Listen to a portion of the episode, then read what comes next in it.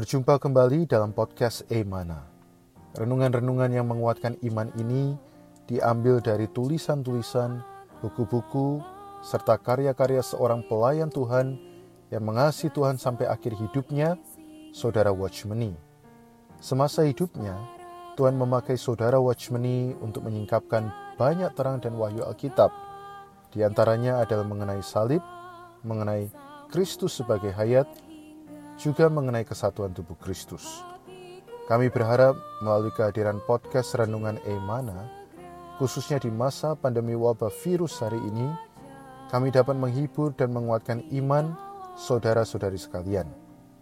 Anda dapat menghubungi kami pada nomor hotline Emana di 0851 5677 2397. Sekali lagi Anda dapat menghubungi kami pada nomor hotline Emana di 0851 5677 2397. Buku-buku karya Watchmeni secara lengkap dapat Anda peroleh melalui website yasprint.com ataupun melalui Play Store di HP Android Anda. Selamat menikmati renungan seri hari ini. Saudara-saudari, kami sangat mengucap syukur, ya Shalom, bahwa hari ini kita bisa bersama-sama mendengar renungan ya dari podcast Imana.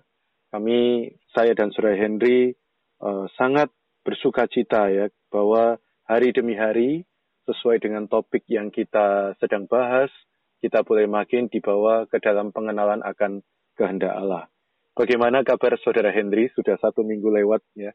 Uh, apakah ada sukacita, Saudara? Amin. Puji Amen. Tuhan tetap sukacita. Amin. Amin. Ya kita semua kiranya tetap ada di dalam sukacita Kristus ya.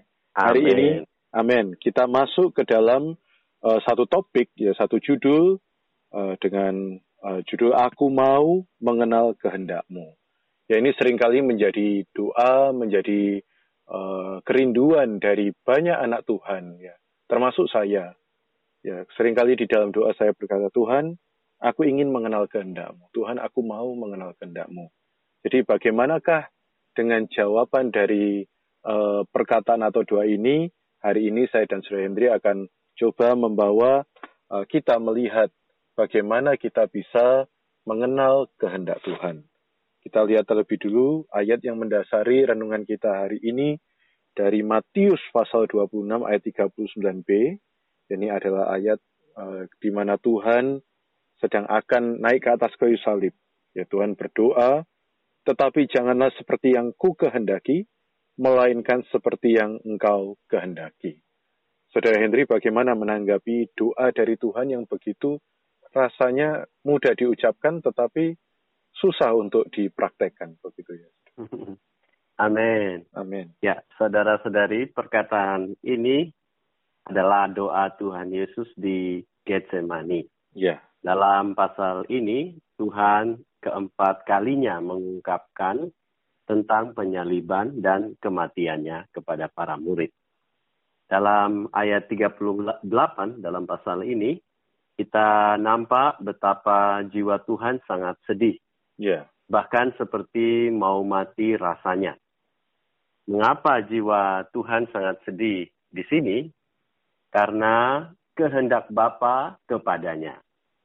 Saudara-saudari, kehendak Bapa adalah agar putra tersalib dan mati untuk merampungkan penebusan yang sempurna bagi orang dosa. Betul. Secara manusiawi Tuhan berkata, biarlah cawan ini lalu daripadaku. Cawan ini mengacu kepada kematiannya di kayu salib. Ini adalah kehendak Bapa bagi putra, bagi Tuhan Yesus sendiri.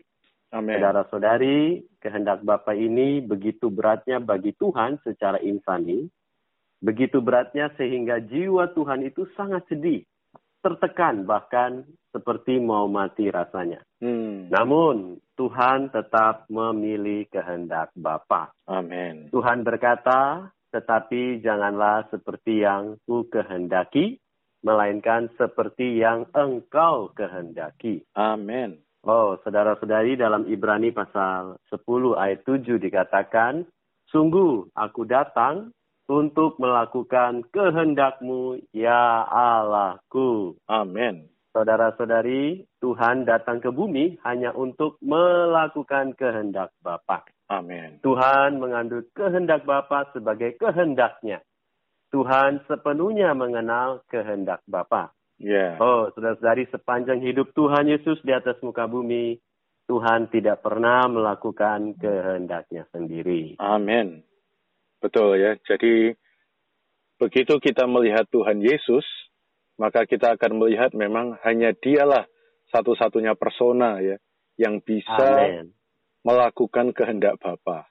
Jadi uh, bagaimana kita bisa mengenal kehendak Bapa? Kita perlu mengenal apa yang Kristus kerjakan.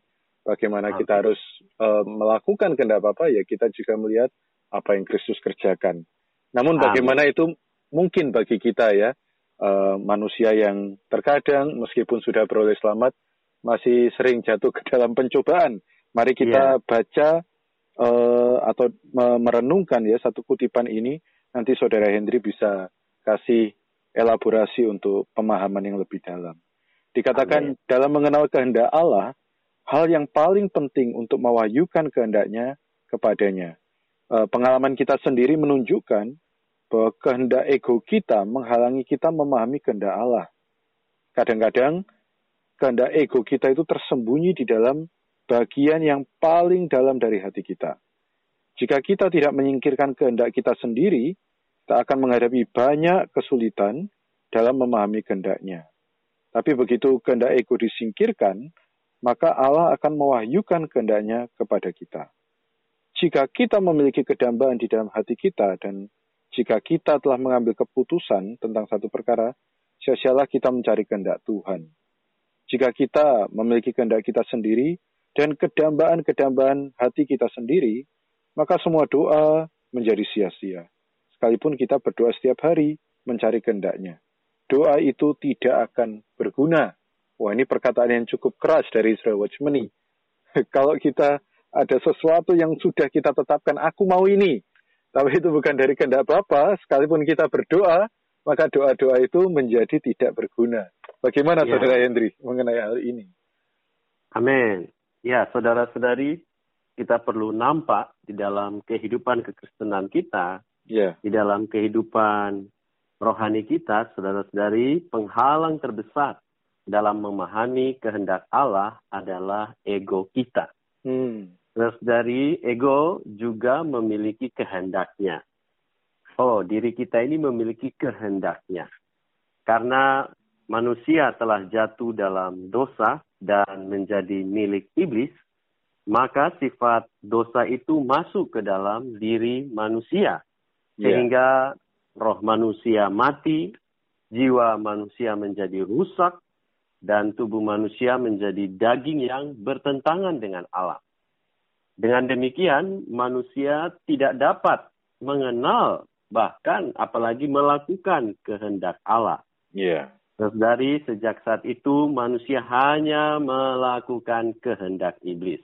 Amin. Bahkan kehendak manusia, kecenderungan kehendak manusia ialah melakukan kehendak iblis. Hmm, betul. Tidak peduli betapa bagusnya atau baiknya perbuatan manusia, manusia hanya melakukan kehendak iblis. Ya. Yeah.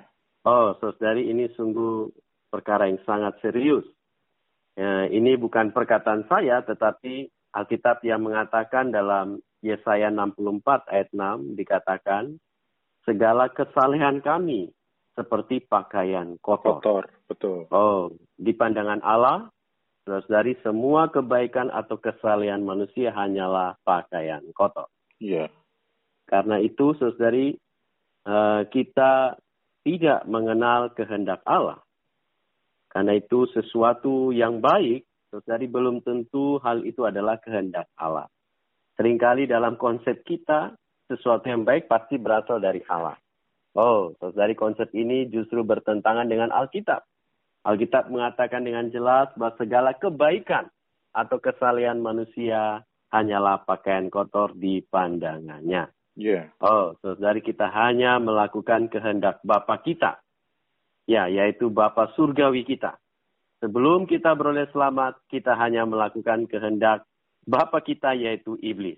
Hmm. Sebelum saudari di dalam Yohanes pasal 8 kita melihat Tuhan berkata kepada kaum agamawan ya. Dikatakan bahwa iblislah yang menjadi bapamu, bapamu dan kamu betul. ingin melakukan keinginan-keinginan bapamu.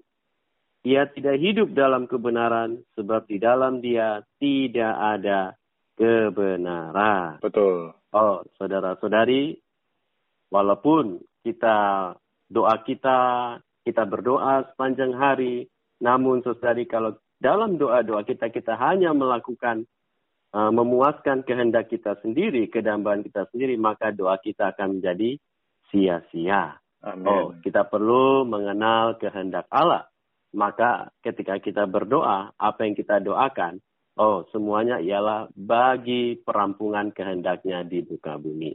Amin. Itu, Ya, berbicara tentang kehendak iblis tadi ya, uh, Saudara ya. Henry, saya juga jadi teringat Yesaya 14, di mana ketika malaikat penghulu itu untuk uh, sekian kalinya dia memberontak kepada Allah ya, dia berkata, aku Benar. hendak, aku hendak, aku hendak, aku hendak, betul. Jadi yeah. uh, dari Yesaya 14 itu kita tahu bahwa satu kehendak yang bertentangan dengan kehendak Allah, bertentangan dengan kehendak Allah, tidak lain ya hanya kehendak iblis itu sendiri. Nah, ketika hendak uh, mungkin ambisi banyak hal ya uh, di dalam diri kita, bukan berarti kita tidak boleh meminta sesuatu kepada Allah ya. Tapi kalau dari tadi saudara Henry bilang kita sudah ada ketetapan yang lain dan tidak membiarkan Allah meng mengusik yang kita tetapkan, sebenarnya sekalipun kita berdoa seperti apa pun, sia-sia doa itu. Betul demikian ya. Yang saya lanjutkan dengan uh, cuplikan yang kedua, saya harap ini juga makin menerangi kita, saudari. Dikatakan setiap kali kita sampai ke persimpangan, hal yang terbaik untuk kita lakukan adalah menjaga hati yang tidak memihak. Oh ini dia ya. Ini berarti hati kita seimbang kita tidak lebih suka atau lebih benci terhadap jalan apa pun. Kita menganggap semua jalan itu sama, dan kita mengambil jalan apa saja yang Tuhan tunjukkan kepada kita. Jika hati kita tidak berat sebelah, Tuhan akan menunjukkan kehendaknya kepada kita dengan mudah.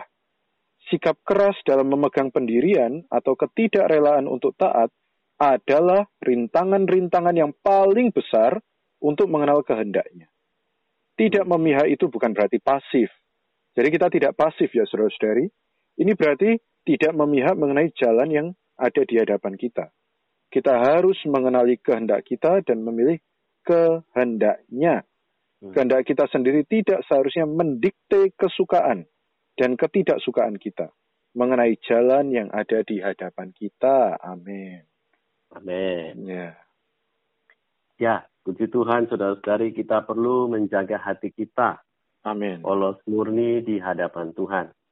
Kalau hati kita keras ya, di sini dikatakan ketika kalau hati kita keras Amin. atau tidak rela, maka ini akan menjadi satu rintangan yang paling besar untuk mengenal kehendaknya. Amin. Ya, uh, akhir-akhir ini saya dengan Pak Musale di Kupang kami menuntut kitab Keluaran ya. Ya. Kita melihat bagaimana Firaun itu memiliki satu hati yang sangat keras. Ya, dia tidak mau tunduk kepada kehendak Allah. Yeah. Allah menghendaki umatnya untuk pergi keluar dari Mesir ke padang gurun untuk menyembah Allah di sana. Tetapi Firaun berkali-kali mengeraskan hatinya. Amin. Oh, saudara-saudari, amen. Di dalam kita sering kali ada Firaun, ya. Firaun ini bisa ego kita, ya kita uh, yang menjadi penghalang ya, yang menjadi rintangan untuk mengenal kehendak Allah. Yeah. Karena itu saudari kita perlu berdoa agar Tuhan menyingkirkan segala Firaun yang menghalangi, yang menjadi rintangan untuk mengenal kehendak Allah. Amin. Oh, saudari kalau kita masih mengeraskan hati, maka Tuhan akan dengan jarinya sendiri dia akan mengatur situasi yeah. untuk mendatangkan tulah kepada kita ya. Oh, saya tidak mau menjadi Firaun ya. yeah. Oh, dari syukur pada Tuhan. Kita perlu menjadi seperti Musa ya, yang menjadi orang yang memiliki hati yang lembut. Amin. Sehingga dia boleh dipakai oleh Allah, dia mengenal kehendak Allah. Amin. Oh, saudari, uh, saya juga teringat di dalam sidang Ipero berita tiga kita nampak bahwa dalam alam semesta ini ada tiga kehendak, yaitu kehendak ilahi, kehendak setani, dan kehendak manusia. Yeah. Saudara-saudari, walaupun Allah memiliki satu kehendak, dia tidak bertindak sendirian. Sebaliknya, dia ingin kehendak manusia di bumi, oh, menggemakan kehendaknya sebelum dia melakukan sesuatu. Amin. Saudari, kita perlu nampak prinsip Allah bekerja ini dia perlu kita menggunakan kehendak bebas kita untuk bersatu dengan kehendaknya melalui berdoa. Karena itu saudari, bagaimana supaya kita bisa mengenal kehendak Allah, kita perlu tinggal di dalam Allah dan membiarkan firman-Nya tinggal di dalam kita. Amin. Maka saudari kita akan mengenal kehendak Allah. Hasrat hatinya boleh menjadi hasrat hati kita keinginannya boleh menjadi keinginan kita. Sehingga saudari ketika kita berdoa, haleluya, maka saudari kehendak Allah ini akan terjadi di bumi seperti di surga. Amin. Puji Tuhan. Ya, kita berharap memang di antara banyak kehendak yang ada dan dihadapkan pada kita, uh, khususnya di situasi pandemi ini ya, sudah mulai memasuki masa transisi, masa new normal, kita bisa berkehendak sesuai dengan kehendak apa pun. Kita punya pilihan bebas, tapi kiranya kita menjadi orang yang memilih kehendak Allah. Amin. Mari kita tutup di dalam doa. Amin. Amin. Oh Tuhan Yesus, Amin. terima kasih ya Tuhan. Kami bersyukur padamu bahwa pada saat ini kami boleh mengenal kehendak-Mu. Amin. Tuhan dapatkan hati kami kami tidak mau menggunakan kehendak babes kami untuk melakukan kehendak setan. Betul. Kehendak yang bertentangan, berlawanan dengan kehendakmu. Amin. Tuhan kami persembahkan roh dan jiwa dan tubuh kami. Tuhan kami mau tinggal di dalam dikau bersatu esa denganmu. Dan membiarkan firmanmu tinggal di dalam kami. Amin. Ya Tuhan hasrat hatimu boleh menjadi hasrat hati kami. Kami boleh berdoa, bekerja sama denganmu Tuhan agar kehendakmu boleh terjadi di bumi seperti di surga. Amin. Terima kasih Tuhan, kami mengucap syukur padamu. Amin. Amin. Terima kasih saudara. Tuhan memberkati. Amin. Sama-sama, puji Tuhan.